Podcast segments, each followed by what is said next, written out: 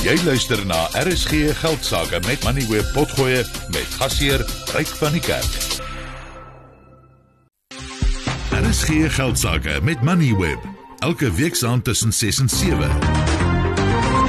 Nou gaan ons gesels oor Transnet en nog Kodingwana het gister in sy begroting aangekondig dat Transnet nie enige bykomende staatshulp gaan ontvang nie. Hulle gaan 'n waarborg kry van 47 miljard rand vir skuld en hulle kan dit uh, en en dit is ook reeds uh, aangekondig uh, voorheen wou Transnet oor 100 miljard rand gehad het insluitende 'n groot kapitaalinspuiting maar uh, die minister het gesê nee, geen bykomende inspuiting nie.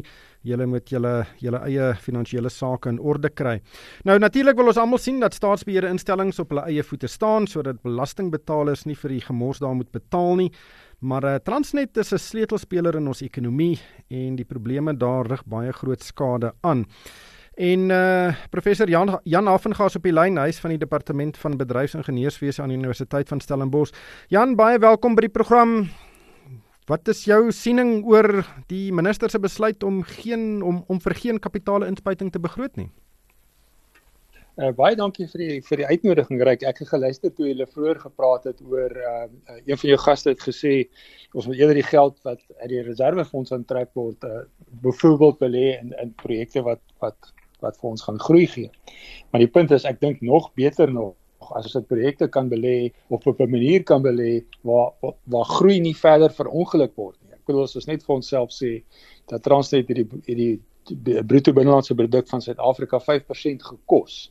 Sy gewerk het soos hy moes, hy het 'n 5% groei gehad. Ek bedoel so maklik soos dit, maak dit net reg. Nou wat vir my bietjie verstom is is die feit dat ons het, het oor die laaste jaar begin om al die regte goed te doen. Ons ons het 'n krisisplan bymekaar gemaak. Ons het die roetekaart wat die minister ook na verwys het, het gesê dat die Transnet moet daai roetekaart volg. Dis een van die voorwaardes vir die vir die, vir die soewereine uh, waarborg wat hulle gekry het en so aan. Ons al die regte goed gedoen.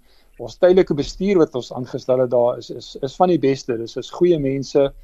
Nou ek wil net ek hoop hulle word een van daai permanent aangestel. Al die regte goed gedoen, maar terselfdertyd moet ons vir onsself sê uh, ons sou gedraai het byvoorbeeld om vir te gee by 139 miljoen ton se vervoer. Deur die laaste paar maande so verskriklik harde werk het. Dink ek gaan dit draai oor net so net oor die 150 miljoen ton. Die mense het eintlik 11 miljoen ton se vervoer uit niks uit vervaardig deur net baie dinge reg te doen, soos ons al van tevore oor gepraat het. Dit is egter nie genoeg om die stukkende infrastruktuur reg te maak nie, maar dis die volgende stap. Die mense raak nou meer gemotiveerd en alles. Dit is nie genoeg om die stukkende infrastruktuur reg te maak nie. Dit is nie genoeg om uh om basies uh wat is die mooi Afrikaanse woord vir failure. Dit is net die die die die maatskappy gaan net eenvoudig misluk. Uh, dit hmm. ongeag hoe hard hulle werk en en ek dink dit is nie genoeg daarvoor nie. Daar gaan daar gaan 'n kapitaalinspuiting moet kom. So hulle kan dit of georganiseer doen tesame met 'n herstrukturering van die balansstaat wat vir ons gaan baie goedkoper skuld gee of dit hulle gaan dit ongeforseerd moet doen eh, eh, eh, hulle of hulle gaan net nie geforseerd word moet doen en dan het ons probleme. Ja maar Jan nuwe leierskap kan 'n groot verskil maak maar daar ook daar's ook ander veranderings nodig. Die minister het in antwoord op 'n vraag oor uh Transnet ehm um, gesê die die maatskappy moet dinge anders doen. Ehm um, en hulle moet ook in baie opsigte verantwoordelikheid vat vir die skuld. Ehm um, en hy het onder meer gesê hulle kan van hulle nie kerringbates verkoop. Dit kan van hulle koste strukture uh verminder uh, of uh, sny. Ehm um, hulle kan dalk alternatiewe maniere kry om infrastruktuur en instandhouding te finansier en dit uh, sluit in projekfinansiering uh, om derde partye vinnig toegang tot hulle lyne te gee sodat hulle daar inkomste kan kry. Ehm um, konsessies en gesamentlike ondernemings en dis meer. Ehm um, so aan die een kant kan mense sê ja, gooi nog geld na die probleem toe, maar aan die ander kant ehm um, gaan dit meebring dat Transnet so vinnig hierdie tipe van aksies neem om sy bedrywighede en die manier hoe dit sake doen sodanig verander dat dit op sy eie voete kan staan jy jy sê 100% reg uh, en en nou moet mense versigtig dink hieroor. Uh, Jy's 100% reg, uh, maar die alles mense kan alles wat jy nou genoem het saamvat en kom ons sê die roetekaart wat ons nog gepraat het. Maar anderswoorde hervorming, herstrukturering van Transnet, Dit is ongetwyfeld nodig. Uh Transnet in sy huidige vorm is verkeerd gestruktureer. Ons het oop toegang nodig. Ons het aparte konsessies nodig om infrastruktuur te onderhou, om 'n sandraal tipe van roete uh, of 'n netwerk te kry. Al daai goederes is krities belangrik en moet dadelik aandag geskenk ag ingeskenk word. En die minister het ook gesê en hy's reg en hy het ook reg om te sê dit is 'n voorwaarde van van hom te help. Dit is absoluut so.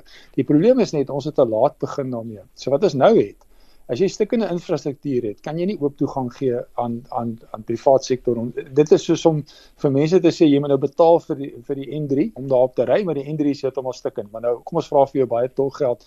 Nou, ek gaan nie my eie trokke mee ry nie as die regering is en ander mense kry wat jy kan nie dit doen nie. En daar is nie genoeg tyd om dit te doen wat jy nou sê om die probleem af te weer nie. Dit was moontlik om die probleem op te los 'n jaar gelede sonder 'n kapitaalinspuiting ek dink wat mens nou moet doen is om vir jouself sê die deel wat staatskaping veroorsaak het. Die deel wat staatskaping daai deel behoort die regering eintlik oor te neem uh, en daai skuld oor te neem. Nie nie kapitaal in, maar net daai skuld oor te neem wat direk met staatskaping verband hou, want dit is nie die huidige bestuur se skuld nie. Dit is nie eers die besigheid se skuld nie dit is dis die regering, dis die dis die aandeelhouer veroorsaak. Het ek jou nou reg gehoor? Jy het gesê as dit 'n jaar gelede was wat hierdie bestuur ingekom het, sou 'n uh, kapitale inspuiting nie nodig gewees het nie. Ja, want ek kan vir jou reguit sê hoe kon gedoen het. Die eerste plek wat ons toe al gesê het, ons kon geprioritiseer het en 'n bietjie geld wat beskikbaar was aan die uitvoerlyne spandeer het om seker te maak dat ons nie 20 of 30 miljoen ton steenkool uitvoere verloor nie. Dit sou goed gewees het vir die ekonomie. Uh dit alleen sou Transnet uh gered het in terme van inkomste uh, en dan die gang gehou het vir 'n ruk. Tweedens as ons dan gegaan het en die tesorie het met 'n goeie finansiële model saamgewerk met Transnet, die skuld geherstruktureer, uh, ontwikkelingsbank finansiering ingekry het teen 'n baie laer lae rentekoers. Die vorige bestuur van Transnet wou nie soewereine uh, waarborge gehad het nie, want hulle wou nie gehad het tesorie met hulle nekke afblaas wat nou gebeur nie ek dink 'n jaar gelede sou ons hierdie ding sonder 'n kapitaalinspuiting kon doen. Maar ons het nou 'n punt bereik dat ek bedoel as hulle oor 3, 4 maande misluk. Daar's niks wat jy jy kan nie die goed wat jy nou genoem het in 3 of 4 maande doen nie. Dit is nie onmoontlik, dis net nie moontlik nie. Ja, maar dis 'n ongelooflike stelling wat jy maak want dit beteken die blame vir wat daar gebeur het lê voor Porsche Derby se deur. Sy was die voormalige uitvoerende hoof. Sy is vervang in ek dink November verlede jaar deur Michelle Phillips en dat in 8 maande het dit gegaan van 'n Transnet wat nie geld nodig gehad het nie tot 'n Transnet wat nou seker 20 miljard rand plus of selfs meer soek. Dis reg, ek het uh, van tevore al die stelling gemaak. Ek dink die skade wat deur die vorige bestuur, nie die staatskaping bestuur nie, maar die bestuur voor uh voor Michelle Phillips en en en hulle veroorsaak is as erger as staatskaping. Hulle hulle het 'n slegte situasie geërf en hulle het dit slegter gemaak hulle in plaas van om die kritiese infrastruktuur te beskerm, het hulle dit nie gedoen nie. In plaas van om uh om om mense wat opgelei is, uh, gemotiveerd te hou en in die besigheid te hou, het hulle pakkette aangebied en dit gegaan. Uh in plaas van om die signaleringsstelsel wat in 1976 geïnstalleer is te begin opgradeer, het hulle dit nie gedoen nie op die mees kritiese lyn van Transnet. Hulle het geweldige skade aangerig in die 3 of 4 jaar wat hulle daar was ek net kan nie presies nie, omtrent 3 jaar en dit het in die laaste jaar verskriklik agteruit gegaan. En uh, ons sien dit nou. Uh, ek moet dit ook so nou al sê wat uh, ons gaan een van die dae die eerste audit te begin sien van 'n tegniese audit van die van die lyne. Uh, die steenkoollyn audit is amper klaar, die ysterhuis audit is amper klaar en die kernlyn audit het een van die dae begin die tegniese hmm. audit en ek dink ons moet dalk ons asem ophou. Dit gaan dalk erger wees wat ons gedink het dit is. En ek dink dit dis die probleem. Dis die probleem. Hoeveel geld het Transnet nodig? Ek dink ek dink die twee stappe. Ek dink as ons die die 50 tot 50 tot 60 miljard rand uh uit daai soewereine fonds uitvat en hulle skuld oorneem. En ek dink as ons dan die die res van hulle balansstaat 'n redelike deel van die skuld net kan herstruktureer met goedkoper lenings, dan dink ek gaan hulle reg wees. En dan moet ek hulle moet bly soos hulle is nie. Daar's nie met die minister saam. Dan moet ons herst, die, voorwaarde daarvan wees herstruktureer, kry die private sektor in, uh, maak die maak die netwerk reg, kry private terreine om op te ry, breek die maatskappy op uh, dat hy met lyk soos hy moet lyk. Maar maar ons moet om daai bereikpunt te kom, moet ons om net op die kort termyn staande hou. Jan, dankie vir jou tyd. Dit was professor Jan Havengaff van die Universiteit van Stellenbosch. Jy het geluister na RSG Geldsaake met Money where potgoe elke weeksdag om 7 na middag. Vir meer Money where potgoe, besoek moneyweb.co.za of laai die toepassing af en volg Moneyweb News om dagliks op hoogte te bly.